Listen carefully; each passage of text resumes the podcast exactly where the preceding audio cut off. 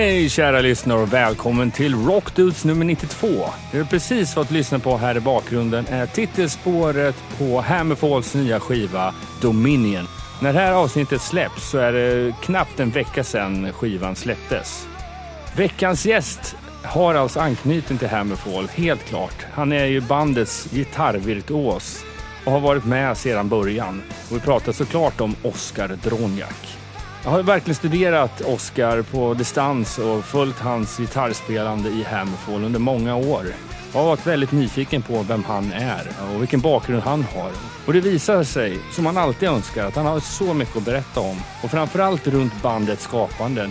Vi fick verkligen reda på mycket om hur, nästan hur hela Göteborgsscenen skapades i början av 90-talet. Och varje sån här sekvens det drog ut på tiden och Oskar hade verkligen mycket intressanta saker att berätta. Så att, eh, ja, det första intervjutillfället, det räckte inte riktigt till. Så vi hade chansen att träffas igen på Sweden Rock. Så att eh, mitt i avsnittet så kommer vi ta en liten kort paus, en bensträckare för att sen återuppta den igen. Och eh, allt prat vi hann med under Sweden Rock. Ja, jag skulle jättegärna vilja att ni besöker vår Facebook-sida och Instagram och tar följ oss där. Sök enklast på Rockdudespodden. Skriv gärna en eh, recension på Facebook om vad du tycker om just det här avsnittet eller vad du tycker om vår podcast. Vi uppskattar det otroligt mycket. Nej, nu ska jag sluta hålla på och snacka vidare här så att vi lämnar rakt över till ett hotell på Södermalm och intervjun med Oskar Droniak. Välkommen Oskar Droniak från Hammerfall till podden Rockdudes. Tack så mycket. Hur står det till idag? Jo, det är grymt faktiskt. Lite stressigt är det. Eller du vet, man, jag landade på inrikes och tog en miljard år att komma hit, tyckte jag. Det kändes som. Jag Ja. visste att vi skulle börja för en halvtimme sedan, men eh, Flög du till Bromma eller till Arlanda? Ja, Bromma. Till Bromma. så det ska inte ta så här lång tid. Jag vet inte varför det tog eh, jättelång tid. Jag tror han var inte riktigt säker på var vi skulle någonstans. kändes Nej, det som. Jag jobbar ju själv i, på Kungsholmen här i eh, Stockholm så att eh, jag har lärt mig att hitta ungefär vilka... Ja, typ, typ lite som en taxi, taxichaufför. Men det är jobbigt när man landar här. Jag kan ju inte Stockholm så väl. Framförallt inte nu, för, för nu har jag inte varit här på speciellt länge. Och så frågar de mig, vilken väg är bäst att köra? Var ligger det någonstans? Jag har ju ingen aning. Jag fick ju googla själv för att veta. Liksom. Ja, exakt. Så om man sitter där med Google Maps Ja. vid sidan av och ser om man åker rätt eller inte. Precis, precis. Det är alltid bra att ha två källor för att det- de väljer lite olika vägar. Ja. Ehm, jo, ehm, vi börjar lite från början. För ni, du har ju kört, du är egentligen den enda eh, kvarvarande som eh, har varit med från början. Så, ja, det kan man väl säga. Fast eh, jag brukar liksom inte räkna egentligen förrän Joakim kom med i bandet Nej. och startade det. Liksom. Det var väl då som sk- första skivan kom och, och Ja, jag visste. Det var inte, då blev det på allvar så att säga. Mm. Eh, Så tillvida att helt plötsligt så kunde, hade jag en till som var drivande. Liksom, och som kunde, så vi gjorde ju det här tillsammans. Liksom. Men, men om man ska vara helt tekniskt sett så är det inte så. Ja, precis. Enligt, ja, när man läser om er så startade ni någonstans runt 93. Ja, det stämmer. Eh, och du hade ju spelat i ett otal band innan. Mm. Men eh, hur var din uppväxt? Fanns musik i familjen och sådär? Eh, ja, nej, eller ja. Eh, nej, det gjorde inte. Vi lyssnade aldrig på musik. Nej. Mamma hade ett piano och in, hon spelade någon, någonting. Hon hade lärt sig tror jag när hon var liten, några låtar liksom. Men hon var inte, vi spelade inte ofta. Det var mest jag som satt och klinkade på det sådär, Mm. någon gång då och då. Eh, Men däremot, min mamma var alltid väldigt uppmuntrande för att Mm. spela. Hon, hon sa, jag har en eh, ett och ett halvt år yngre bror Mm. och en sju år äldre. Men han sju år äldre var så pass mycket äldre att han var liksom inte aldrig... när Han var aldrig riktigt han- i ditt liv på det Nej, sättet. Ja, jo, det, alltså, jo, det var ju, men inte, vi, jag och min lillebror umgicks ju, vi var ju så nära varandra. Ja, just det. Så, eh, ehm, men då sa mamma till oss, ni, får, ni måste mer eller mindre spela något instrument. Men då Mm. var tre, eller nio då var vi och gick i trean. Då fick man ju börja med blockflöjt som Exakt, jag är också den generationen. Ja, exakt. eh, och, men sen så uppmuntrade de oss väldigt mycket, nu, spela gärna någonting mer, gå vidare och välj någonting. Liksom. Man lyssnar ju på sin mamma så, eftersom man är en duktig pojke. Ja, exakt. Eh, och så eh, gjorde jag det. Så jag valde trombon. Eh, och, Gud vad roligt. Ja. Där har vi någon likhet också. Ja, så är det. skillnaden var att jag spelade det fram till jag var 18. Oj, ja, Ja. okej. ja. Det är typ det enda huvudinstrument jag haft i mitt liv. Sen har jag spelat Ja, gitarr och sånt själv också. Men, men Där ser man. Det var, ju- alltså jag när, brukar ju prata om det ibland då, då när folk frågar. Liksom, Ja. Men det är nog aldrig någon enda någonsin som har sagt att de också har spelat det faktiskt. Nej, det tillhör kanske inte första. Det var något år där med, med den här knappvarianten av eh, trombon. Jag kommer inte ihåg vad de kallade det för, men, men sen blev det det riktiga. Ja, okej. ja. ja, vad kul. Men eh, hur länge var det det då? I fyra år. I fyra år? Ja, jag spelade i orkestrar och sånt där. Liksom. Ja. Men jag, jag tyckte det, samma, det blev samma när jag började lira gitarr sen. Men jag tyckte det är tråkigt att öva. Jag tycker inte det var kul att Ah. sitta hemma och, och hålla på liksom och bli Nej. bättre på det. För att jag lirade ju mest på den. Det hade man insett också. Jag spelar ju mest vad mamma ville jag skulle göra det. Ja, just det. Just det, just det. Så, men det här, det här med, med... Jag var med i B-orkestern kommer jag ihåg en Mm. gång. Och vi fick åka någonstans. Jag vet inte vad det var. Var det utomlands eller var det i Sverige? Nej, nej, för fan. Nej. Det var bara A-orkestern som åkte Ja. utomlands. Ja. Eh, Men jag kommer inte ihåg vad det var något. Eh, Och det tyckte man ju var lite roligt så med Ja. kompisarna. Men eh, hela grejen var inte så kul. Nej. Mm. Och då hade jag ju lyssnat på hårdrock i några år. Så att när, det väl, när jag väl började koppla att fan, jag, det finns ju folk som spelar gitarr. Liksom. Det kan jag också göra. Eh, Så började man ju nu nosa på det lite grann Men, istället. men det, började det mera att lära dig själv så att säga? Eller gick du den musikskola eller något liknande? Nej, ja, nej, eh, inte med gitarr. Alltså, om man skulle spela till gitarr i musikskolan fick man ju välja mandolin i början där. Ja. Eh, och så, eller någon av dem och gå vidare på den vägen. Liksom. Men eh, eh, jag frågade faktiskt min mamma, hon var lärare på samma skola som jag Mm. gick. Eh, så jag frågade henne på högstadiet då, för jag var 14 då. Mm. Har du, jag, skulle vilja spela gitarr istället. Liksom, hon bara, "Ja, det spelar inte mig någon roll. Mm. du spelar någon, något instrument, det tycker jag är karaktärsdanande som, som Kalles, Kalle Hobbes, han pappan där just brukar säga. Ehm, så att, då gjorde jag det. Eh, liksom började och då visade det sig att hon hade en, det satt en snubbe som hyrde in sig på eftermiddagarna ibland, en, en kille då, eh, och lär, lärde ut just gitarr. Eh, det var förvisso akustisk gitarr men jag sa till mamma jag vill inte spela klassisk gitarr för jag är inte intresserad av det här plocket utan jag vill spela det jag lyssnar på. Mm. Och eh, det visade sig att han, han spelar rock, liksom, hårdrock hade jag ju sagt då, Mm. specifikt. Liksom. Och eh, det tyckte jag var grymt så jag gick dit och, och liksom, man var väldigt glad över detta då. Problemet var bara att jag ville ju spela hårdrocken från 80-talet. Ah. Och han, snubben var ju lite äldre då. Så det var 70-talet hårdrock- liksom. Ja, det var Jimi Hendrix och Purple och sånt där. Och jag var fruktansvärt ointresserad av det. Ja. Det var nästan så lika ointresserad som jag hade blivit av trombonen mot slutet Ja, kanske. ja. Så att jag eh, sa, nej glöm det här. Två gånger eller kanske tre, jag kommer inte ihåg. Jag fick ett gäng papper i alla fall Mm. med skalor. Den här pentatoniska bluesskalan fick man lära sig. Liksom. Och jag vet att jag lärde mig spela Hey Joe, tror jag det var. Eller något sånt där, liksom. Nej, det här var inte roligt. Det var inte det jag ville. Så jag bara struntade i det och så spelade jag hemma istället Mm. och lärde mig själv. Liksom. Men var det fortfarande akustiskt när du tränade hemma? Eller? Ja, det var det. Jag köpte min första elgitarr eh, något år senare tror jag. Jag kommer inte ihåg exakt när det var. Låt mig tänka efter. Jag vet att jag gick, jag gick nog in, ja, året jag gick i nian kanske Ja. jag hade börjat ettan. Jag kommer inte ihåg på gymnasiet. Jag är inte riktigt säker på det. Eh, men det, det gick ganska så fort, det vet jag.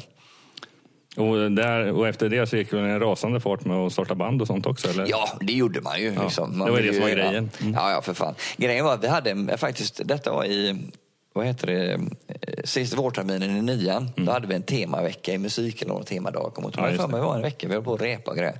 Och jag hamnade i någon grupp där man skulle sätta ihop ett band. Mm. Då, liksom, och, och då lirade jag lite gitarr och tyckte det var kul. Liksom. Det kan hända att det var i den vevan jag köpte elgitarren faktiskt. Mm. Först, då. jag, det, det låter rimligt. För då, då skulle jag spela gitarr givetvis. Och en kompis med mig skulle spela bas och någon spelade trummor och så någon sjöng då. Liksom. Ja. Och han som sjöng var den enda som vågade sjunga för mig. Ja, som vågade ta ton. Liksom. Killar i den åldern. Exakt. Så ehm, då körde vi och då spelade vi in, eller spelade vi, repade in mina, eh, Highway Star med Deep Purple. Ah, Och God Save the Queen med då, vad heter de, Sex Pistols. Sex det. Pistols, ja. Och det var för att få lite bredd på det. Jag var inte intresserad egentligen av någonting, men Highway Star är en jävla bra låt så det, Mm. ju, liksom, det är det svårt att komma ifrån. Eh, så den var ju kul att lira.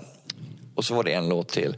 Eh, Nej vänta, vi spelade nog bara de två den veckan. Men sen så bildade vi ett band efteråt i alla fall. Ja, det, man. ja. Så vi fortsatte spela tillsammans en, en liten tag. Och då spelade vi eh, för att sångaren var syntare nämligen. Eh, Den här syntare Ah. hårdrockare grejen har jag Ja. aldrig, liksom, jag har aldrig varit någon liksom, våldsam människa eller du vet aggressiv nej. på det sättet. Liksom. men det fanns de Det- som verkligen... Ja det var ju så. Det skulle ju vara det på 80-talet. Att man skulle hata syntare och syntare skulle hata hårdrockare. för Vilket är märkligt. Menar, de hade ungefär samma kläder på sig del- Ja, delvis. ja, visst, det finns mycket Ja, ja. märkligt med det. Men eh, han ville ha en syntlåt och då lirade vi någonting med New Order tror jag. Jag kommer fan inte ihåg vad den hette nu. Eh, vi har någon demo hemma någonstans. Jag har en kassett med skiten på. Ja. Eh, jag kommer inte ihåg vad den hette. Men det, det var något, någon syntlåt då liksom, som man kunde spela på gitarr. Man fick ju jämka lite grann. Sådär. Just det. Just. det.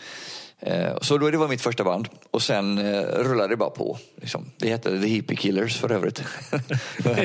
Av att jag tyckte verkligen inte om eh, 80 70 och 60-talets hårdrock. Liksom, den här, eller Nej, rätt- exakt. Det var ett väldigt bra namn där. Ja. Men ehm, sen blev det några band till innan du väl kom fram till Hammerfall. Ja, eh, jag ska korta ner det lite grann. Jag Ja, det är ingen fara, fara. mycket. Men det, det som, jag tyckte det var jättekul. Det var ju just den första musikaliska erfarenheten egentligen. Då, så man, man tyckte det var otroligt roligt. Så när jag började ettan på gymnasiet, då träffade jag en kille som heter Anders Ivers.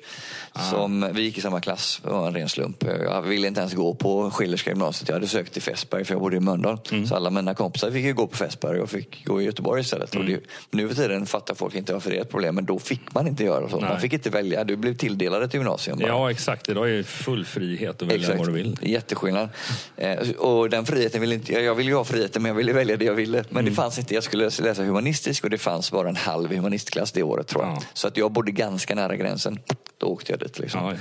Och det var ju det bästa som har hänt mig i hela mitt liv nästan. Så det kunde inte varit bättre. För jag, nu öppnades ju hela världen helt plötsligt. Var det en skola eller klass där flera av de här, för att det går inte att blunda för att du är ju den generationen och ni var ju en, hel hög Ja, killar jo. i Göteborg som startade hårdrocksband. Ja, det var många på en gång. Eh, Jag gick i samma klass som Anders som sagt. Mm. Och på samma skola fanns både Tompa från At the Gates och Grotesk var de ju då.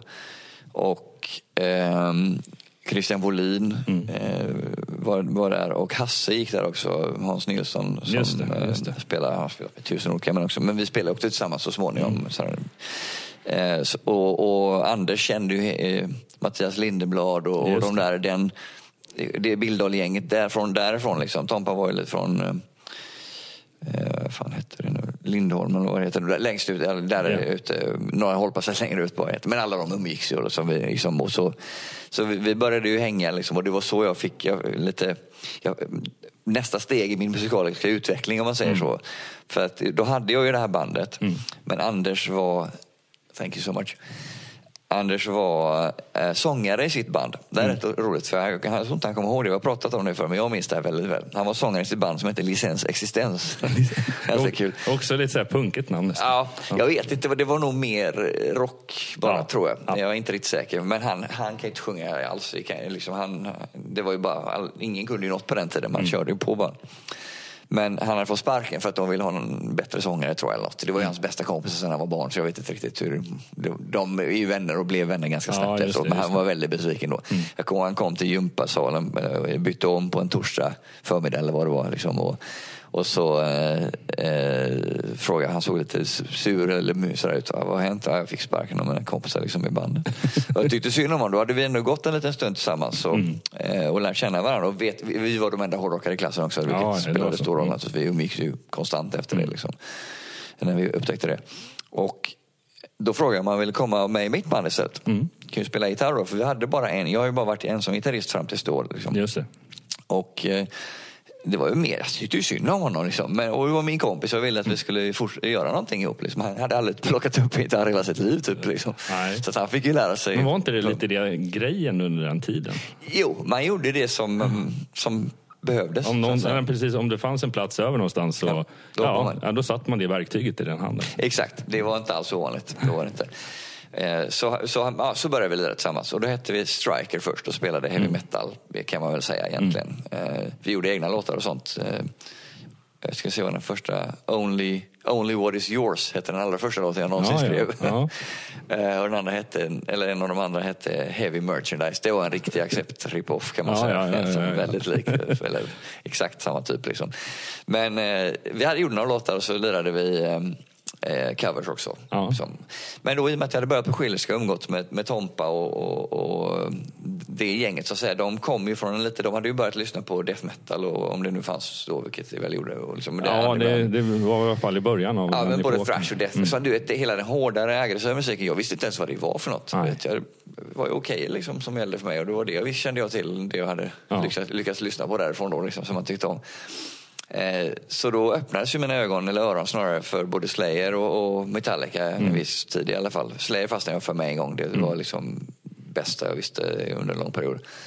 Eh, men, men och, så då ville vi också när vi hade börjat lyssna på det börja spela det så småningom. Så det blev Striker Desecrator efter ett tag. Ja, ja. Mm. Lite medlemsbyten och sådär så småningom. Och Desecrator var väl först ett death thrash band kan man säga. Mm. Men det blev snabbt ett death metal band mm. Eh, på några månader bara. Och vi bytte sen namn till Ceremonial Oath för att det fanns ett annat engelsman som hette Desecrator som släppte en skiva men vi var fortfarande var eh, satanistiskt metal brukar jag kalla det för. Mm, mm, mm. Vilket det var naturligtvis. Eh, och släppte en skiva då, Book of Truth. Um, ja, ja, när den var färdiginspelad var det 92 spelade vi in den, september 92. Hur släpp, vad släppte ni den skivan via för? Eh, franskt bolag som heter Modern Primitive. Mm. Vad hittade ni då? Eh, jag har ingen aning. Man Nej. var ju så involverad. Skickade ju ut allting till tidningar och sånt. Ja, just det. Sen på den vägen vet, var det. Mm. skickade ju tio mejl i veckan och kassetter hit och dit. Så. Mm. så det var väl någon sån som fick tag på den på något mm. sätt. Jag vet faktiskt inte. Eh, kan hända att för det var inte samma, vi släppte en, sju, en uh, sjutummare också innan, en mm. singel. Men det var ett annat franskt bolag som hette Corpse Grinder. Så det kan hända att de hade något med varandra att göra på något ah, sätt. Ja, ja, ja, Eh, det kan ha varit så. Det var en bra fråga. Jag har inte ens tänkt på var fan kom de ifrån egentligen. Man har eh, hört lite olika band och ibland ja. kan de eh, springa iväg och det var något band som jag inte riktigt kommer ihåg vilket det var men de fick deras första skivkontrakt typ i Malaysia och alla ställen i världen. ja, det var också så udda. Mm. Ja, det, Frankrike är lite mer förståeligt. Ja, det, det, fanns ju en, en sån scen där i alla fall. Mm. Jag tror att de hette Intellectual Convulsion första skivbolaget. Fan, det är en mm. grej som jag inte har tänkt på på 25 år. Ja, det är många år sedan. Som, som bara dyker upp i minnet nu när man pratar om det. Det är jävla roligt faktiskt. Men, men, men Modern Primitive hette de, släppte skivan, eller vi spelade in skivan åt dem. Men, eh, och det var faktiskt lustigt nog um, Fredrik Nordström i Studio Fredman. Aha, hans allra första death metal-inspelning någonsin. Mm -hmm. Och jag, han, vi, vi repade i samma, det var ett sånt här studieförbund eller man ska kalla, kalla, det på, på kvällar på skolan och sånt. Så att var, då hade jag lärt känna honom. Han var väl fem, sex år äldre än jag, något sånt där kanske. Mm. Eh, så de hade gått på den skolan innan men de, han, han spelade fortfarande med sitt band på samma lokal som vi gjorde. Mm. Eh, och jag vet han berättar efteråt såklart, men han har hört någon stå och spela i lokalen och fan jävla OS, vad är det som låter här inne? Är det någon som förstör någonting eller? Ja. Så kikade de in i en nyckel bara, då stod jag och sjöng där inne liksom, ja, ja, och spelade. Liksom, vi på. Han såg mig sa han och liksom, vad fan är Oskar, vad i helvete är det här för någonting? Men det här var ju tidigare såklart. Och så hade han ju börjat studioverksamheten precis då. Mm. Så han hade en studio tillsammans med en snubbe som hette vi pratade om detta bara för några, några veckor sedan, några månader sedan. Äh, fan hette han? Äh, skitsamma. Ja. Eh, Rainy Day slash Studio Fredman hette de i alla fall. Mm. För Fredrik hade kommit in med, med sitt kunnande på något sätt, lite teknik och sådär. Och, så, eh, och sen efter vi hade spelat in så, så köpte han ut personen. Ja, ja, ja, ja, då körde vi vidare själv. Ja, precis. Så då blev det Studio Fredman där eh, från, från den punkten. Då. Liksom. Men jag slutade faktiskt i Ceremonial Oath innan bandet, eller innan skivan släpptes menar jag. Mm. Eh, för att vi hade, alltså grejen var med den skivan, jag hade gjort kanske 70-80 procent av musiken och all text. Mm. Eh, det var, jag kände att det här var liksom mitt band på, mm. på ett sätt. Även om vi alla var delaktiga i alla beslut så, så, så liksom, jag hade gjort så mycket av musiken så kändes det som att den musikaliska inriktningen hade jag koll på tyckte jag. Liksom. Mm. Eh, men Jesper var ju med då, Jesper Strömblad. Mm. Och han var väldigt sugen på att börja skriva mer musik och sådär. Mm. Och, eh, vi gjorde en låt tillsammans eh, där innan jag slutade. Så mm. vi repade lite grann efteråt. Jag hade ett gig. Jag tror jag slutade bara någon månad innan skivan kom. Eller mm. sånt där. Eh, men Eh, han var intresserad av att skriva mer musik och det var inte jag främmande för. Liksom. Det, var, det, var, jag inte. Men däremot var jag väldigt främmande för inriktningen på, på bandet. Den musikaliska inriktningen. Vil, vilken var skillnaden då, skulle du säga? Ja, alltså, jag ville ju gå mer och mer åt eh, aggressivare och, och, och snabbare. Mm. Och liksom, jag, för jag gillade inte Stockholmsdödsen så mycket. Jag tyckte mm. den, var, den var för lunkig och punkinfluerad och sådär. Jag ja, gillade mer den tekniska death metal-aspekten av det hela. Och heavy metal har ju alltid varit min grund. Liksom, mm. sådär. Så även när jag spelade de här, den här musiken så lyssnade jag ju, ja, inte uteslutande, men det var ju min huvudsakliga eh, inspirationskälla ändå. Liksom, ja, även om jag lyssnade väldigt mycket på death metal också. Liksom. Men jag slutade aldrig lyssna på hårdrocken som jag växte upp med. Liksom. Och eh, då ville de att jag skulle förändra min sångstil lite grann också. Ah, okay. eh, vilket var en stor stötesten för min del. Det var egentligen två grejer som spelade roll för mig. Det var det ena, de ville att jag skulle sjunga mer death thrashigt som Demolition Hammer vet jag nämndes i sammanhanget.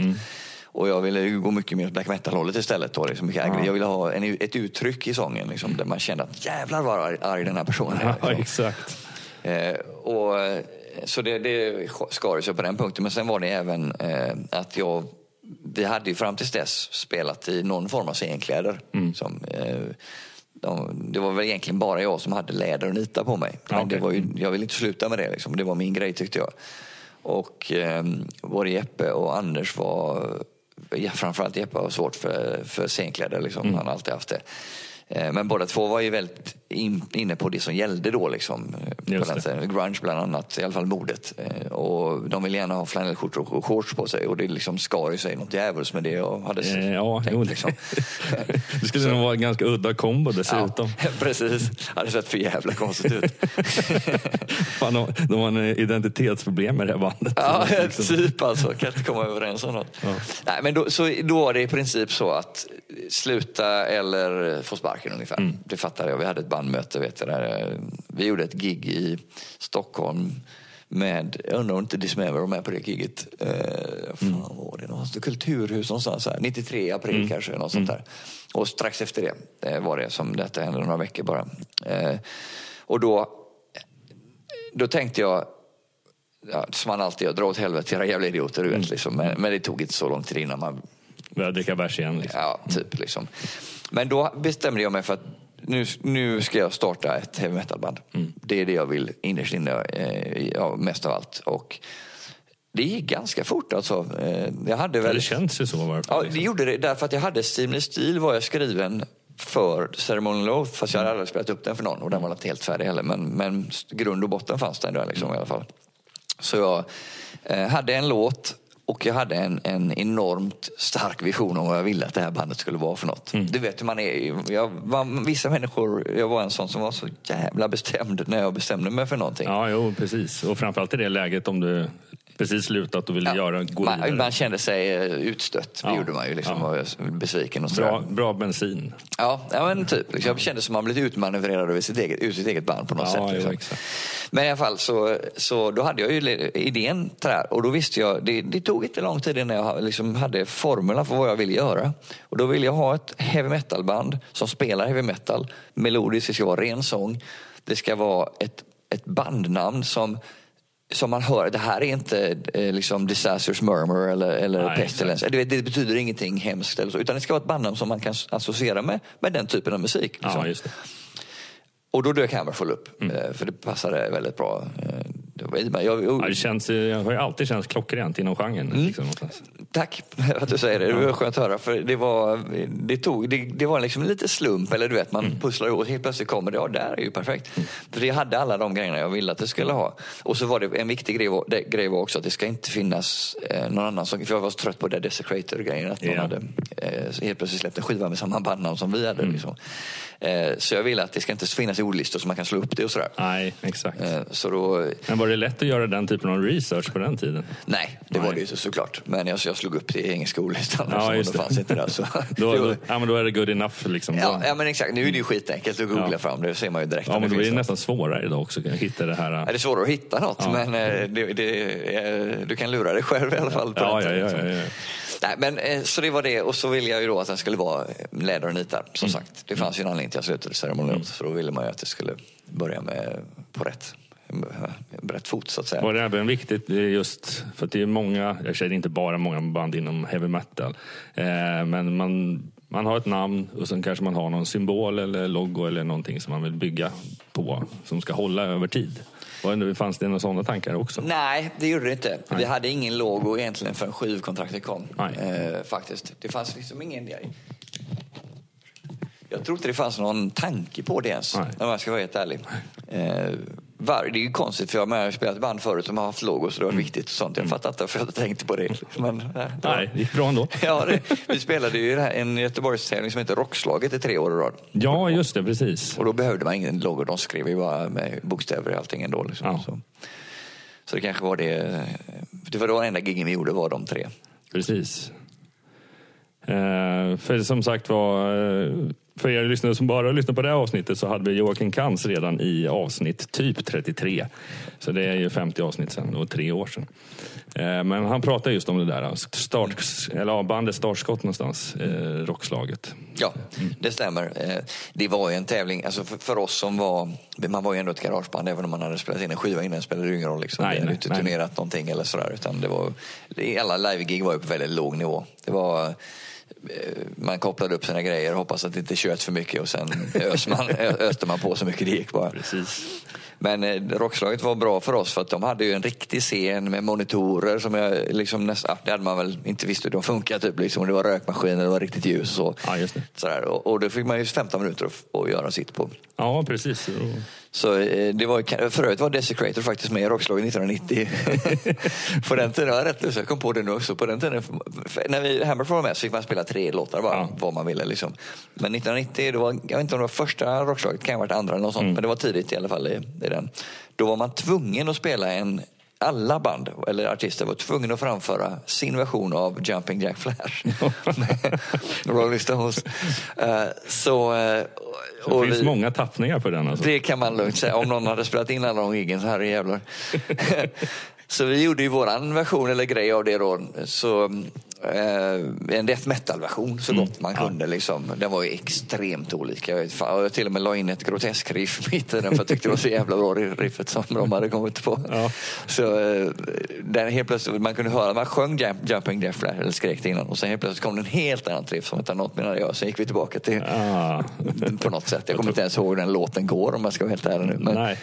En liten sidebar. Ja. Men det, det, det, var roligt eh, att lira den. Jag kommer ihåg folk tittade på, fan vad är det här för något? Ska den komma? Liksom, den här. Men eh, rockslaget, mm. eh, vad, vad blev nästa steg skulle du säga? Ja, alltså det var, grejen var att vi spelade, det, rockslaget var en tävling, som man hade deltävlingar runt om i Göteborg och så gick eh, två tror jag, artister från varje deltävling till en semifinal. Mm. Och det var två semifinaler naturligtvis och sen var det en final på Liseberg. Så det var ganska stort. Man, ja, vinnande bandet fick spela in en, eh, en gå in i en studio. Jag kommer inte ihåg om det blev en skiva eller om det blev något. Vad, vad det exakt blev av det. Men, men en studioinspelning var det i alla fall. Ja, det. Och, eh, det, så det var lockande naturligtvis. Eh, men vi gick aldrig vidare, varken 94 eller 95. Nej. Det gjorde vi inte. Och det, då tyckte man ju, idioter, fattar de inte att det här är det, här är det liksom, största som ja, finns? Typ, fan vad bra vi är. Liksom. Men eh, man inser att det var vi inte såklart. Vi var ju jävligt uselt stundtals. Ja, men, men på sitt sätt kan man ju se att det kanske var bra också. Ja, det var det ju på det sättet att 96 gick vi nämligen vidare ja. den här, till semifinalen just. Eh, och vi lirade två Hammerfall-låtar, egna kompositioner mm. och, och en cover varje år. Mm. Så vi har spelat Breaking the Law något år. Det var nog det året vi vann tror jag. Så spelade vi Freedom Alice Cooper. Mm. Och, haha, eh, vad fan var den tredje? Jag kommer inte ihåg nu. det står still. Men det var vi tre, tre låtar eh, i alla fall. Eh, och, men då, då när vi gick vidare så den semifinalen var ju som, vilket datum det skulle bli var ju redan fast liksom. Mm. Sen innan hela, hela våren var ut, ut, eh, utlagd. Och då visste Mikael Stanne som var vår sångare att Dark Tranquility inte var hemma då. Ah, just eh, han var på turné med dem eh, där. Så då, när vi då mot all förmodan gick vidare så var vi tvungna att hitta en ny sångare. Bara ja. för det giget var det tänkt egentligen. Mm. Men, och Jeppe hade, jag hade visat sig att jag hade sett det här bandet förut också. Highlander hette de. Joakim var med i det bandet. Men eh, jag, hade inte, jag visste inte vem Joakim var, för de hade nämligen bytt sångare en gång. Det visste inte jag heller om. Han hade åkt till USA och, mm. och studerat där och sånt. Och då hade de en annan sångare. Det var då jag hade sett dem. Men jag hade även sett dem på Rockslaget faktiskt. Ja. I, I Angered, vet jag. Eh, när de spelade.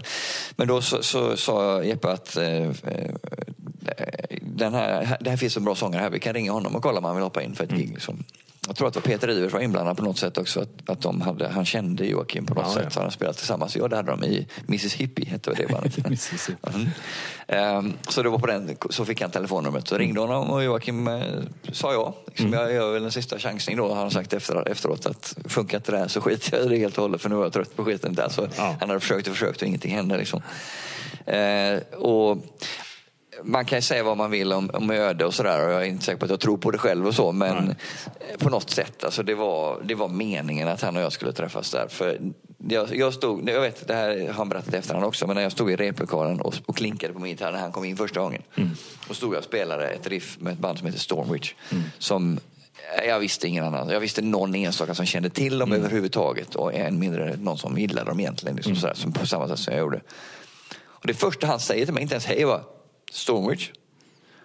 Och då tänkte jag, "Eh, det här är inte klokt. Liksom. och då, då börjar man fatta att någonting, det här är något. Liksom. Sen pratade vi och hängde och, och, och började prata om man kommer ifrån och du vet. Så, så, det hade så många gemensamma eh, nämnare. Det är så jäkla roligt det där. Ja, det är helt grymt. Och, och framförallt hade vi en väldigt stark vision om vad vi ville att det här bandet skulle vara. Han var ju bara inhoppare egentligen. Jo. Men det kom ju fram under tiden man märkte att fan, han sjunger ju så jävla bra. För Mikael i all ära, han sjunger mycket bättre nu än vad han gjorde då. Men Ja. då var han väldigt begränsad. Och eh, någonstans innerst inne kände jag väl att det här var inte det, det ultimata. Liksom. Men man hade, det var så svårt att, att hoppas på någonting sånt inom den melodiska hårdrocken på den tiden. För det fanns ju ingen. Det var ingen som gjorde sånt. Ingen som tyckte det var kul att lyssna på ens. Nej, för det är det som jag ändå tycker är lite, ro- eh, lite roligt om man bara stannar upp lite just. Om vi tar årtalet 93 och däromkring plus minus något år. Det ju- hände ju så vansinnigt mycket saker som har gått ja, bra Ja. efter det. Men ni var en grupp människor och sen blev det en handfull band av det som har, blivit, som har klarat sig väldigt bra. Ja, det, det är makalöst egentligen när man tänker efter hur, hur eh, framgångsrika vissa av oss så blev till slut. Ja, liksom. På, på sin egen vision dessutom. Ja, det- för ni stack ju ändå ut att bara spela heavy metal, power metal eller vad man ska kalla det för. Liksom. Till skillnad från de andra som spelar lite mer melodisk dödsmetall. Ja, ja, det som visst. blev Gothenburg Sound sen. Precis. Nej, det, det är rätt kul med den årgången där. Det var något visst med den årgången. Ja, exakt. För ni, ni de flesta är födda runt början Ja, på 70-talet. så att säga. 72 är jag, Jeppe också och eh, Fredén och, och eh, Mikael Stanne är väl några år yngre. Jag Mm. tror de är lika gamla. Givarp är 73 om jag inte minns fel. Ja, jag har för mig det också. Eh, Men så det är liksom alla är födda i början på 70-talet i alla fall. Mm. Första halvan av det. Så, eh, Det var något i DNA i det där området. Ja, alltså jag kommer ju från ett annat område. Det är som, som jag menar med att det Ja, var för- det för du bästa är som från. Mölndal, Jag är från eller? Mölndal, Mm. född och uppvuxen. Och hade jag inte gått på Schillerska då hade jag aldrig lärt känna alla de här. Nej. Börjat liksom, eh, mm, och, och gått den vägen via death metal-kretsen så att säga. Då, liksom. öde, där börjar ju din ödesväg om inte annat. Ja, Eller, ditt öde. Alltså, jag ser på, tillbaka på det med, med, med goda minnen nu. Det var ju liksom en del av min musikaliska eh, uppväxt, eller vad man ska kalla det för. Ja. Men eh, det, det, alltså, man är ju, det var jävligt cool stämning då. Mm. Jag tror att det är också en förklaring. Det som vi pratade lite grann innan. Man kunde hoppa in Mm. där, man, där det fanns plats så att säga. Ja, exakt. För ingen var ju liksom... ehm, Det var ingen virtuos redan Nej, från början. nej, det var man inte. Men, men ingen var avundsjuk heller på någon annans eh, framgång heller. Alla ville det absolut bästa Var det, var det mer så här att kan eh, han så kan jag? Lite mer så eller? Ja, alltså, Eller det var inga man, problem? Nej, man tänkte inte ens på det. Bara, fan, Ja. du får lära dig då om du inte kan det. Liksom. Ja. Hur svårt är det? Typ, liksom. Ja, och det, det, liksom, när vi spelade live så stod man man var ju längst fram på alla sina kompisars gig och stod Mm. och headbangade och sjöng med. Och då var de på våra gig också, för att det var så det funkade. Ja. Liksom. Man, Ja, man ville allas väl bara. Det är en jäkla brödraskap det där på något sätt. Ja, det var det. Nu har vi kommit till, till när ni verkligen... eh, Ja, ni vann ju rockslaget Ja, där. ja, Nej, vi vann inte. Vi gick Nej, vidare. ni gick vidare. Se- alltså, vi ska avsluta den Ja. historien. Vi gick vidare till semifinal. Just det. Joakim eh, svarade, ja, jag ställer gärna upp. Men eh, jag kan inte det datumet. Vi blev tilldelade söndagen den 11 tror jag då, eller om det var 12 eller 11 var det nog, eh, maj. Eh, för hans syrra skulle fylla år. Eh, 30 kanske, eh, dagen innan. Och det skulle vara stor fest, han kunde inte sjunga dagen efter tyckte han. Liksom, så, här. så då frågade vi om vi kunde flytta datum. Då byta, och det sa de, ja, visst det kan ni få göra. Då. Så då fick han, gick han med, annars hade han aldrig gått med. Liksom. Nej. Så det är en av de här grejerna som det kunde ha gått fel. Ja. Liksom. Eh, Men då gick han med, vi vann inte. Eh, Vi gick inte vidare till semifinal för att eh, eh, av många anledningar såklart. Men vi Mm. var bra. Den gången var vi bra. Eh, när vi hade Joakim på sång och alla hade liksom fokuserat ordentligt. Eh, en av grejerna var att folk inte riktigt trodde att den här musiken hade något att komma med. Så Nej. de tyckte den var lite töntig, det vet jag även- då. För jag har hört efteråt, det stod lite i tidningen också, man märkte att Men det är ju lite mer det, är lite mer det här råa andra. Det är mer att man, ska, man spelar och man, alltså man har ju något rörelsemönster på scen. Men eran stil var lite mer att ni skulle ha scenkläder. Mm. Eh, det är lite mer show, det är lite mer teatraliskt någonstans också. Liksom. Ja, det är det lite grann. Jag skulle till och med spruta eld på scenen där, för det, Ja. det var utomhus då. Så att det, tänkte jag, även om det var, jag hörde jag efteråt en sån här minnesmärkt, K-märkt eh, träbyggnad, med- eller du vet, scen. Så, men ändå, jag fick göra, lov att göra det. Jag hade gått på eh, gått ner till eh, en sån gyckelaffär vad det heter, i Göteborg och frågat hur gör man? Liksom. Ja, jag vet inte riktigt, så han expediten, men det kommer en kund här alldeles snart och han skulle, väl- som han kände då, som kan, han kanske kan lära dig. Så vi gick ut och sprutade vatten på bakgatan där. Liksom. Ja, nu, nu vet du hur man gör. Nu är det bara att gå hem och testa med lampolja och en fackla. Då, liksom. Ja. Eh, Så jag hade tänkt göra det bara för att effektens skull då, naturligtvis just för den här semifinalen. För pulling out all the stops som det heter Ja. på engelska. Ehm, Men vad jag inte, jag hade, jo, jag hade en eh, rosa hink med vatten för att stoppa ner facklan i. Jag hade köpt facklan på den här gyckelaffären och en sån eh, som man snurrade något skit på och tände jag vet inte. Men den, den var, allting gick bra. Eh, Jag hade en eh, ett, ett plastglas med den här lampoljan då. Som det, var. det var vanlig hederlig lampolja bara. Det var liksom inget speciellt med den. Det var det de, de brukade använda sa han. Eh, Man fick inte svälja den men det var liksom inte bensin i alla fall. Nej. Så jag ställde den på trumpodiet, det lilla som fanns. Eller vid trummorna i alla fall. Och vi spelade, det skulle vara i mitten av andra låten, så av tre då, så i mitten av setet ungefär på en kvart. Så, så stod vi och lirade och lirade och så vände jag mig om och nu är det dags att, att spruta eld. Så jag tog en, en ton och hängde ut, det var låten Unchained som var med på den första skivan. Eh, och då vände jag mig om. Så ser jag att lampolje, eh, glaset har vält. ja, såklart. Så det var ju liksom ingen mening att tända facklan och allt Nej. det där. Och för lampoljan var alltså oerfaret eh, flera hundra meter bort till omklädningsrummet. Ja, naturligtvis så gick, ja, det gick inte att. Mm. fylla på. Jag skulle haft en reserv vid sidan om. något. Men i alla fall. Så det är därför det står en, en, en rosa hink mitt på scenen helt utan anledning. Där. För Det var ingen som fattade varför den stod där. Liksom. Men, Vi står och pratar om efteråt istället. ja, det blir det. Det finns ju några, några bilder kvar från den i alla fall. Den, eh, Ja, det giget, liksom. ja, bra. Men, eh, så det var scenshow som du sa. Vi försökte ju så mycket vi kunde. Liksom. Mm. Men det var väl lite det i och med att eh, grungen någonstans har ju slukat allting som hette rock. Liksom. Och sen då eh, ja, etablissemanget ska tycka till. Liksom, alltså just allting som kom utanför, det blev ju inte eh, korrekt på något vis. Det var ungefär det som jag minns i alla fall från just ja, andra hälften av 90-talet. Eh, men, hur, men trots att ni inte gick och vann den här tävlingen så hände ju väldigt mycket Ja. sen efter det här. Ja, återigen, vidare. slumpen spelar roll här. För det var någon som, Fredrik Larsson som är basist i Hammerfall nu, han var med i Hammerfall då en liten stund också, några, några, något år. Och hans kompis eller hans, ja, hans kompis tjej filmade kompisens uppträdande på det samma dag som vi spelade upp. Och så hade hon, du vet hur det var på videoband, som, ja, men just det är några, några minuter kvar på det här bandet. Vi filmar Fredrik också, det kan vara kul liksom. Ja. Och då fick de med en och en halv låt tror jag. Eller Ja. sånt där. Eh, och då hade vi ju en, en så här låter vi ser ut. Och då hade vi eh, eh, fått skivkontrakt med ett annat band som, som jag hade bildat då efter, parallellt med Hammerfall kan man säga. Som var ett death metal-band, det här tekniska death metal-band som jag gärna ville spela då. Liksom, som hette Crystal Age. Och vi hade fått skivkontrakt med ett eh, nederländskt bolag som hette eh, eh, Vic Records. Ja, just det. Just det. Eh, Och han visste också att jag älskar heavy metal och att jag spelar liksom det. Och han sa, har du ett band så skicka ner någonting, demo eller något, eh, så kan vi lyssna på det och se om det är intressant. Programmet sa att vi spelade aldrig in någon demo, men den här live-grejen då, en och en halv, eller om jag skickade bara Stil med stil, jag minns faktiskt inte. Men det var Stil med stil i alla fall, det var den som kom med. Eh, Den skickade jag ner till honom och han bara yes, det här kör vi på. Vi signar liksom med. Så gjorde vi det då. Liksom. Fick vi ju, drömmen var uppfylld, för vi låg och spela in en heavy metal-skiva. Det, liksom, ja, det kunde inte bli bättre tyckte man. Precis. Ehm, Så då gjorde vi det. Under, alltså, allting vi kontaktade Fredman igen, så vi har ingen budget. Liksom, men ja, hur mycket får vi för de här pengarna? Liksom? Ja, då fick vi 16 dagar eller vad det var. Men Han var han, jätteschysst. Liksom. Ja, jo. Du vet, han- Det låter som mycket ändå. Ja, det var det. Det var inte värt så mycket alls. Han, han, han var schysst som fan. Eh, Så, så spelade vi in den i december, november var det kanske. Eh, 96 blev det då. Och någon gång i jul tror jag. Eh, så hade Jeppe, Jeppe var på turné med Inflames. Han spelade in med, var ju med och spelade in skivan. Liksom. Ja. Eh, Sådär. Fast han spelade inte trummor, han spelade ingenting på skivan egentligen. Mer än ett gitarrsolo här tror jag. Och där. För att han, eh, nyktert nog, sa att pa, eh, pa, eh, jag är inte bra trummis nog för detta. Om vi vill få ett bra resultat, så bra det kan bli, då måste vi ta in en annan trummis. Eh, Så att han egentligen valde själv att ta ett kliv åt sidan. Ja, för att han har vi. ville, för, för det, det stora helas eh, bästa då så att säga. Det var ingen annan som tänkte någonting på det. Liksom, vi hade ju bara spelat in det om inte han hade sagt något. Men då kontaktade Joakim sin, en kompis Patrik Reffling då, som han hade spelat med i det här Highlander under en liten stund.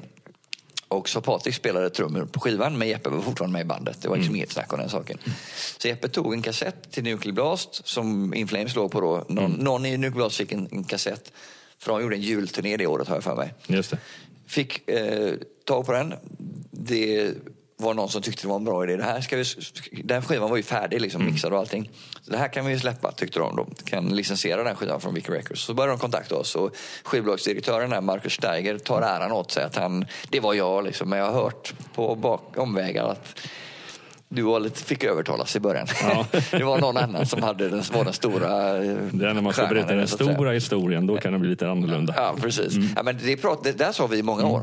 Men det fick vi höra långt senare att eh, så var det ju egentligen inte. Liksom, han, han visste inte vad det här var. Eller du vet, så. Men, men han, han blev eld och lågor i alla fall när han väl fattade grejen. Så, att säga. så vi hade eh, kontakt med dem och så släpptes första skivan under licens från Vic Records. Så den första pressningen på 30 000 ex eller vad det nu var, ingen aning. Men det står license from Vic Records. Och sen efter det så, så står det bara Nuclear så sen köpte de ut oss. Fast när jag säger de köpte ut oss så är det en sanning med modifikation som det heter. Därför att det är aldrig så att eh, skivbolagen köper ju ingenting utan det är ju artisterna själva som får betala i slutändan. Ja, exakt. ju Ni fick båda- vänta innan ni fick något. Ja, det var framtida gager naturligtvis Ja, som exakt. betalade den här utköpningen. Så Det var inte så jävla mycket pengar på den tiden. Så, men Men ändå. ändå. Ja.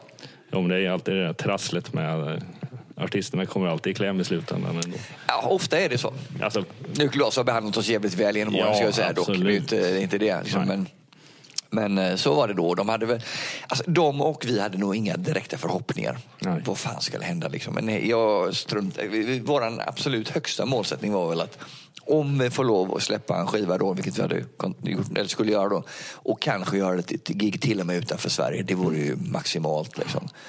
Jag vet att vi har pratat om en siffra på 4000 ex sålda för, sen dess. Jag har ingen aning om det var realistiskt eller inte. Jag kommer inte ihåg vad, vad man kände då. Men, men no, no, alltså det var en väldigt låg nivå vi siktade, äh, siktade på. Bara för att, som vi pratade om nyss, det fanns inget sånt. Nej. Det var ingen som var intresserad av det, trodde vi. nej.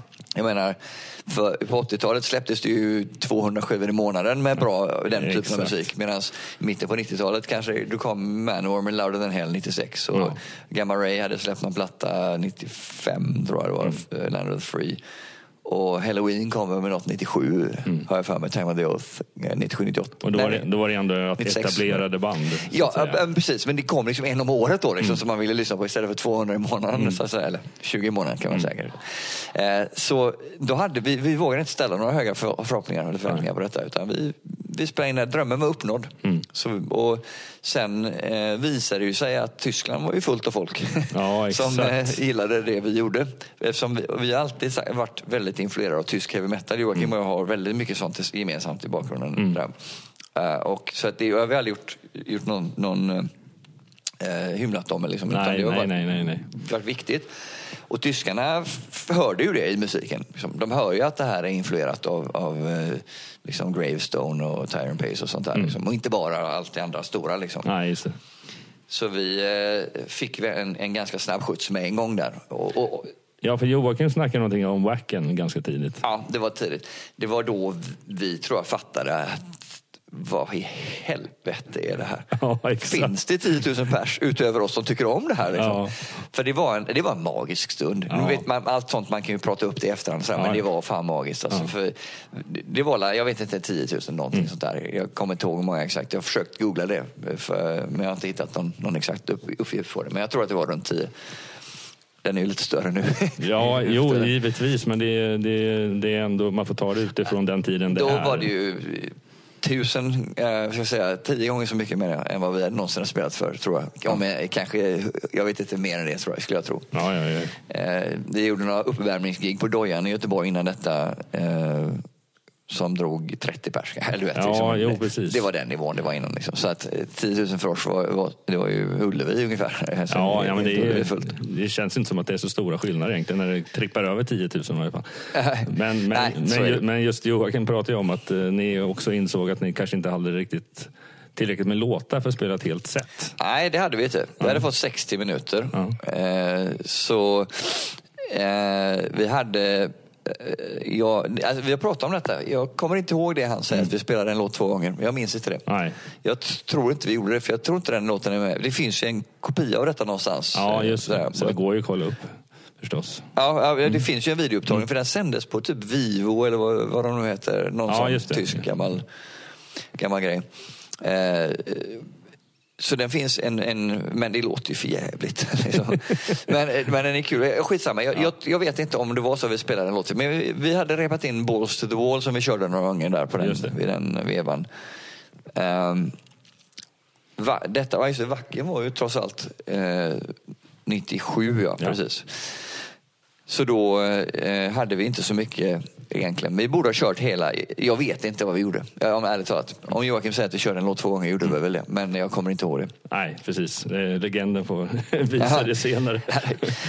men, det var, det var en ögonöppnare. Men vilket fall, det var ju just den här magiska upplevelsen. Det var väl det som egentligen var det viktiga. Ja, det var det. Man, att stå där och titta ut eh, de gångerna man vågade titta upp. Alltså det, nej, man försökte ju ösa Ja. på så gott det gick. Liksom. Men, men att se eh, så många människor stå och sjunga med i låtar eh, till en skiva som precis, alltså den hade kommit 27 juni och detta var i början på augusti så det var ju bara en månad Ja, drygt exakt. senare. Liksom. Folk kunde texterna och var helt vilda. Och jag vet, det här har jag också hört berättat i efterhand men eh, en från skivbolaget då, en journalist som heter Götz Kühnemund från Rockhard var han med. Han var under alla år i Rockhards starka man. Han är inte där längre men han var det väldigt länge. Och då Eh, då vet jag att han, eh, skivbolaget berättade att han stod och sjöng med i låtarna. Du vet, så, Inte så här, men han stod så sjöng med och njöt verkligen av det giget. Och då ja, förstår man ju så senare varför det fick så stort genomslagskraft. Liksom, För att folk gillade det vi gjorde och de var, de var törstiga för, efter hårdrock med melodier. Det, var liksom, det var det det handlade om. Precis. Eh, klockan springer på lite här. att- Jag babblar för mycket, förlåt. Ja, det, det är ingen fara. Ehm, men egent- egentligen är den här bakgrundshistorien som jag alltid själv tycker är väldigt Ja. intressant. Sen, för det där var ju ett eh, knallskott utan dess like. Med skiva via Nuclear Blast och sen Wacken på det. Ja, det gick jävligt fort.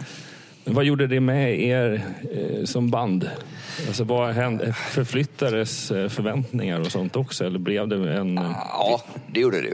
Eh, Alltså, jag- I början, det var svårt att ta in hela den grejen. Hela det året egentligen. eh, Eller ja, det tog, för mig tog det kanske tre år eller något. Eh, Två, tre år i alla fall. Innan jag började bli bekväm med vad vi höll på med. Så att säga att, att det var så enormt stort som det hade blivit. Det var efter, långt efter Legacy of Kings hade släppts. Då, då, då um, kände jag att det här var jävligt konstigt. Jag kände mig obekväm liksom, med att att det blev så, så framgångsrikt så himla snabbt. För Ja, jag, jag var inte jag är den typen av person. Jag var ingen rockstjärna. Liksom, du vet. Jag, jag, var inte, jag såg mig själv aldrig som någon, som någon sån. Jag hade liksom för, hållit förväntningarna nere så jävla många år. Att det var svårt att ta till sig hela grejen, tyckte jag. Eh, sen hade vi ju ett, en... Alltså, in, in, I hjärnan, i, i, liksom, då tänker man ju vi ska göra det absolut bästa vi kan och det här ska musiken. Men jag fokuserade bara på vilken musik vi skulle göra. Så att säga. Och hur vi skulle presentera bandet. Eh, sen har det alltid varit sekundärt egentligen hur väl det blir mottaget. Så att säga. Eh, man, man vill ju att det ska, den här idén har vi, det här precis, så här är vi. Och om du gillar det så är det kanon, men om du inte gillar det så finns det någon annan kanske som gör det istället. Har, har det varit tanken då. Liksom. Och nu visar det sig att det fanns så många likasinnade som jag inte hade räknat med. Så det var lite överväldigande, det får jag säga.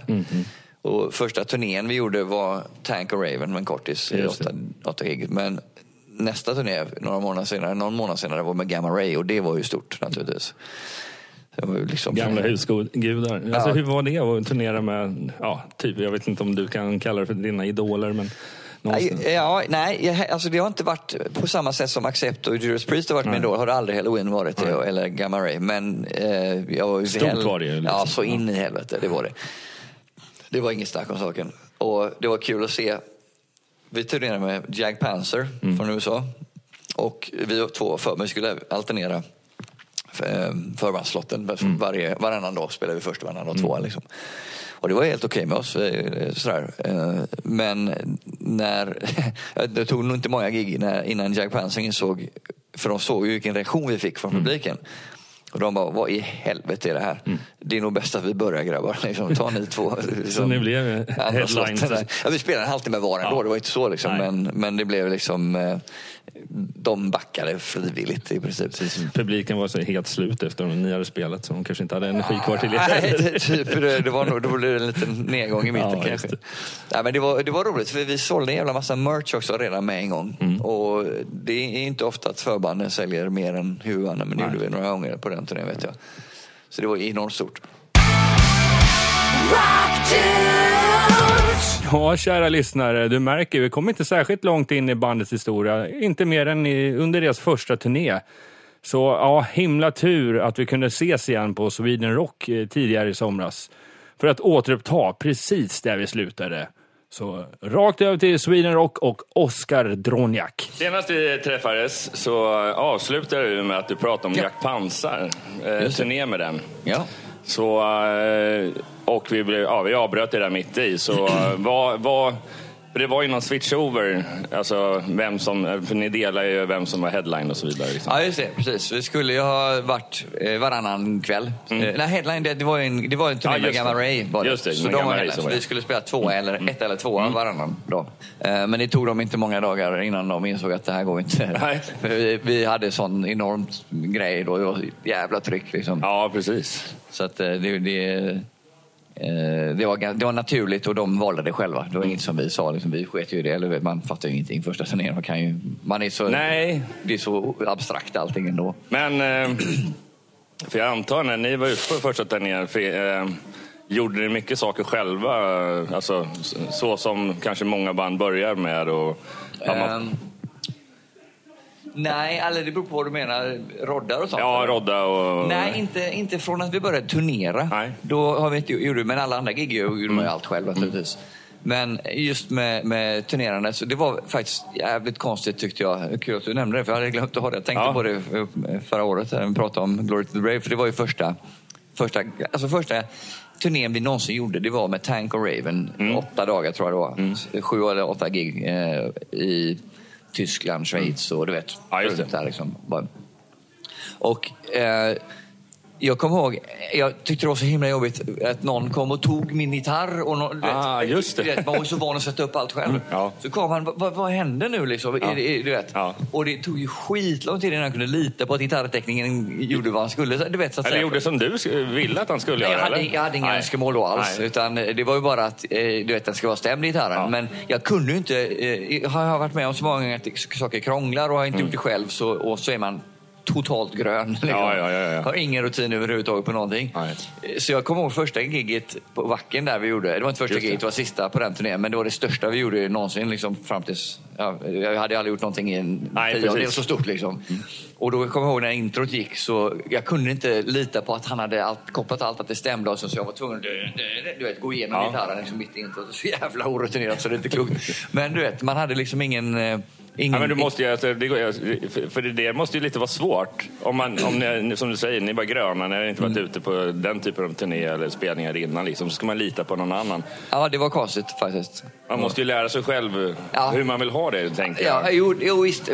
Alltså, jo, det får man ju göra under tiden. Men Mm. om folk kommer med förslag, liksom, kan du, så här kan vi göra. Liksom, och sådär. Men jag, har inte, jag, jag vill bara att någon står där och är redo när jag byter så att det går fort. Liksom. Ja, just det, just det. Och så ska de stämma eh, bra. Det är det viktigaste. Liksom. Allt annat för det. Alltså, de vet ju vad de gör. Nu är det ju proffs. Det var det väl då också, men jag, jag liksom, den du- världen var helt ny för mig. Ja visst, men det är svårt att komma in och inte vara amatör men eh, inte varit med om det så mycket. Och, ja, men de gör det på sitt sätt och de gör säkert rätt. Men Ja. det ska kännas rätt för en själv. Precis, och det gäller att hitta någon man litar på ordentligt Mm. också. Sådär, så, Eh, som, som kan ta hand om allting. Och det är bra att ha en, just med, med gitarrtekniker och sånt, är det bra att ha en snubbe som han stämmer gitarrerna, att de klingar tillsammans bra. Ah, just det.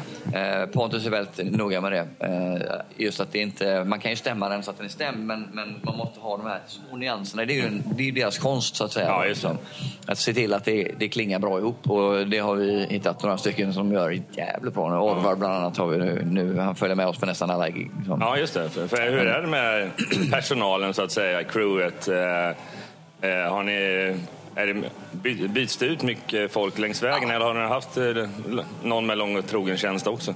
Nej, eh, ja det har vi. Det beror på hur man ser det. Att vi, eh, första Gamma Ray-turnén, då var vi ju påbokade av mm. var skivbolaget som kom. Här vill ni göra den här turnén. Liksom. Vi har fixat så att ni kan få lov att göra den. För Kai Hansen ville ha med Hammerfall, vilket var, var i sig jävligt stort. Liksom. Ja, just det. Eh, Men då, eh, från det, då var de bokade av All Access, ett tyskt bokningsbolag. Och vi började prata med dem. eh, För då både, eh, det var bokningsbolaget, hade, eh, de som ägde det, AC och Jörg heter de. De, hade, de var turnéledare och ljudtekniker båda två. Så de jobbade Ah. liksom där. Så vi fick jättebra kontakt med dem. Och de har vi haft eh, med ett kort avbrott eh, för några år sedan. eh, I stort sett sedan dess. Liksom. Ah. Och de är med, Jörg är med nu. Han har ju varit vår turnéledare i många, många, många år nu. Så, så att, eh, han har lång och trogen tjänst är det ju för honom utan Ja, tvekan. ja, ja.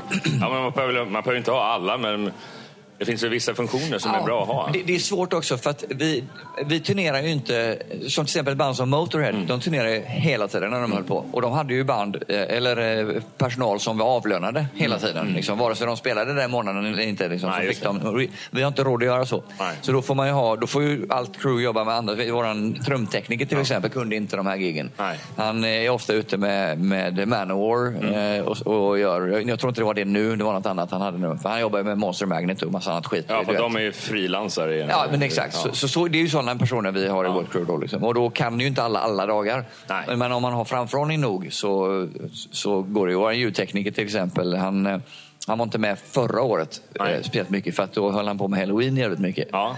Och, eh, men de håller inte på nu, så då är han ledig. För, liksom, då, det, då prioriterar han- han oss i år. Liksom, då, så att, eh, så att det, men, Ja, det- Man måste vara ute i god tid bara. Ja, precis. Och det känns ju så, äh, alltså, bakom kulisserna så känns det som att äh, många banden i eran kaliber och uppåt, liksom, det är ju, när man tittar i era kalendrar så är det ju, Mm. finns mycket planerat långt mycket innan, innan någon annan vet det. Liksom. Ja, så är det ju naturligtvis. Självklart. Att det är en Så- logistik där bakom. Ja, när man måste vara som sagt ute i god tid och också så får man vara lite, alltså till exempel eh, om någon, om vi erbjuder ja vi har ett eller två gig den här helgen.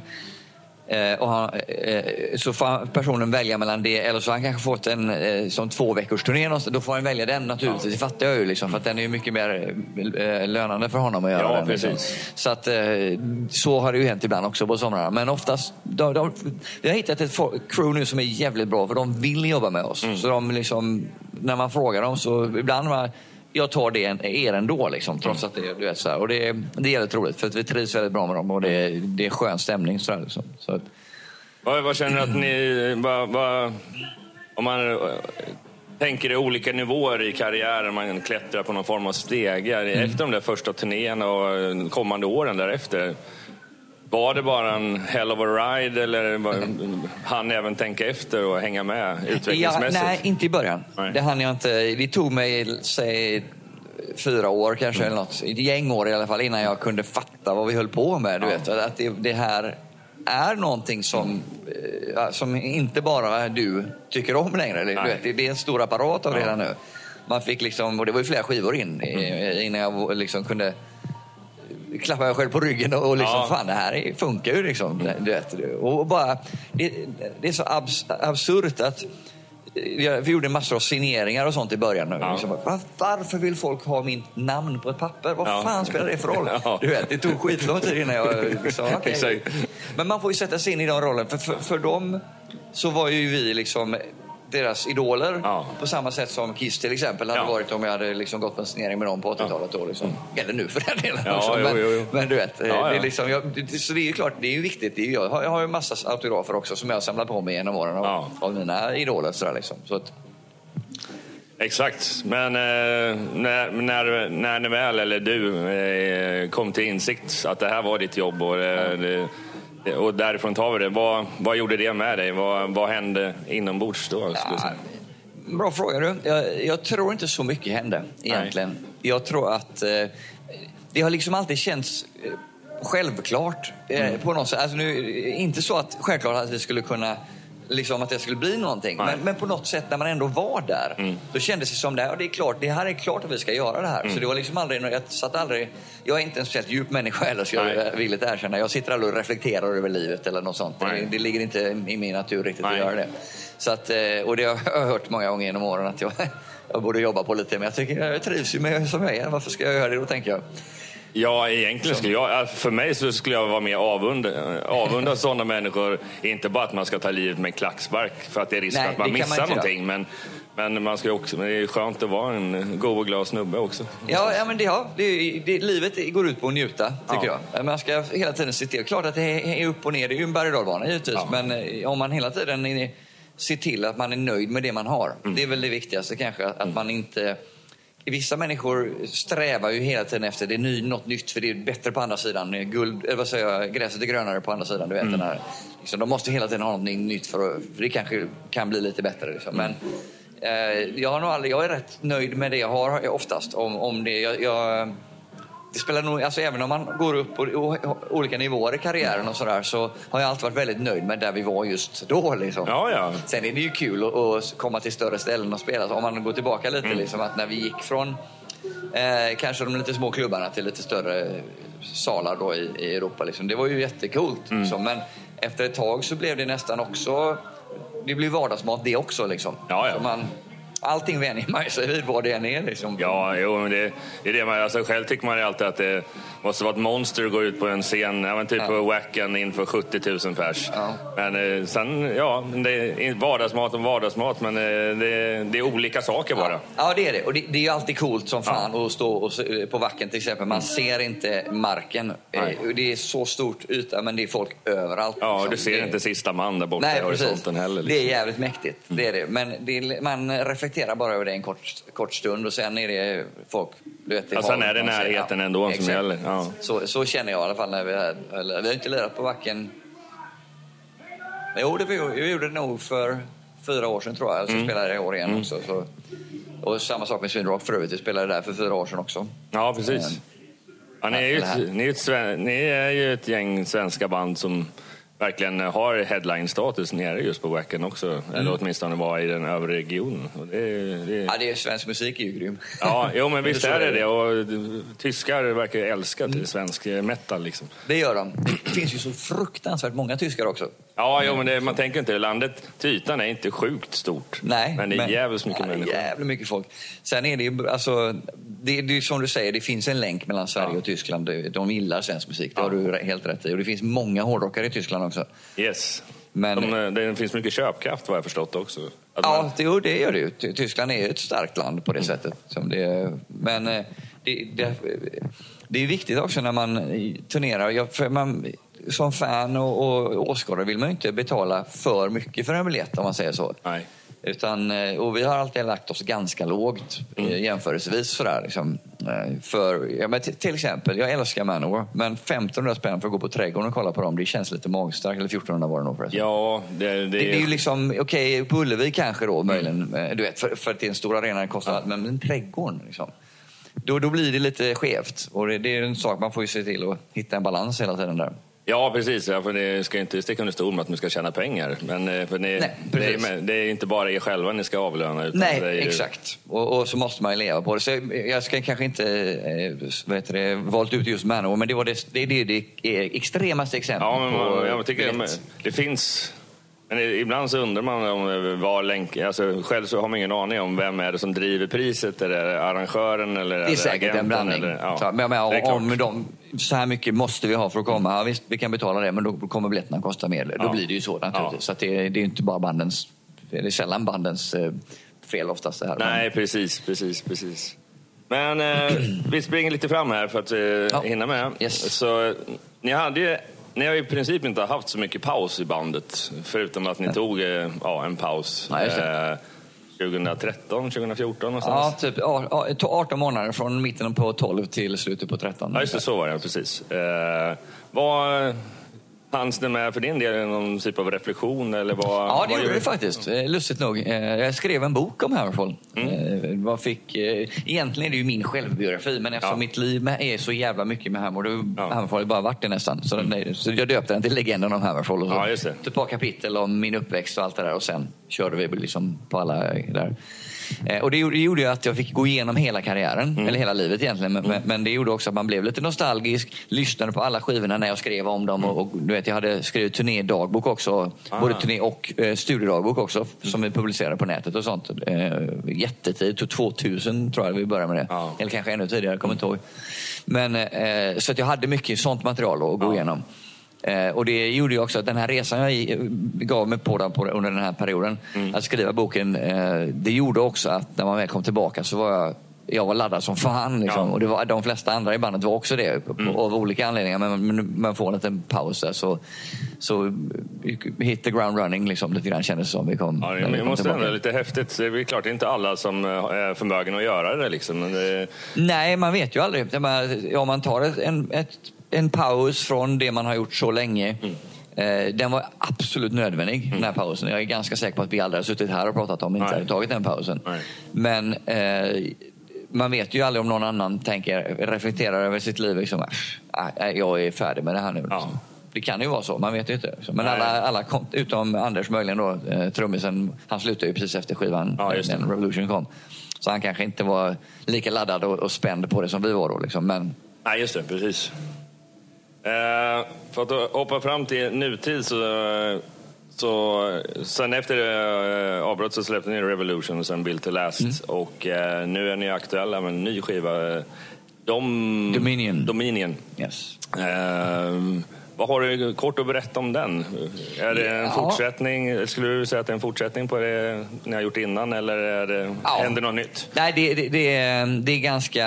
Alltså Hammerfall är Hammerfall. Jag tror du kan plocka ut vilken skiva som helst under vår karriär och man kan höra. Vi har vissa ingredienser som vi alltid använder oss Ja, av. Liksom, som, det som, som bildar Hammerfall. Eh, Men eh, jag känner nog att den här skivan har vi verkligen försökt att ta ett snäpp upp på alla nivåer. Okej. Både från låtskrivning till eh, framträdandet i studion och ljudmässigt, produktionen och allt sånt där.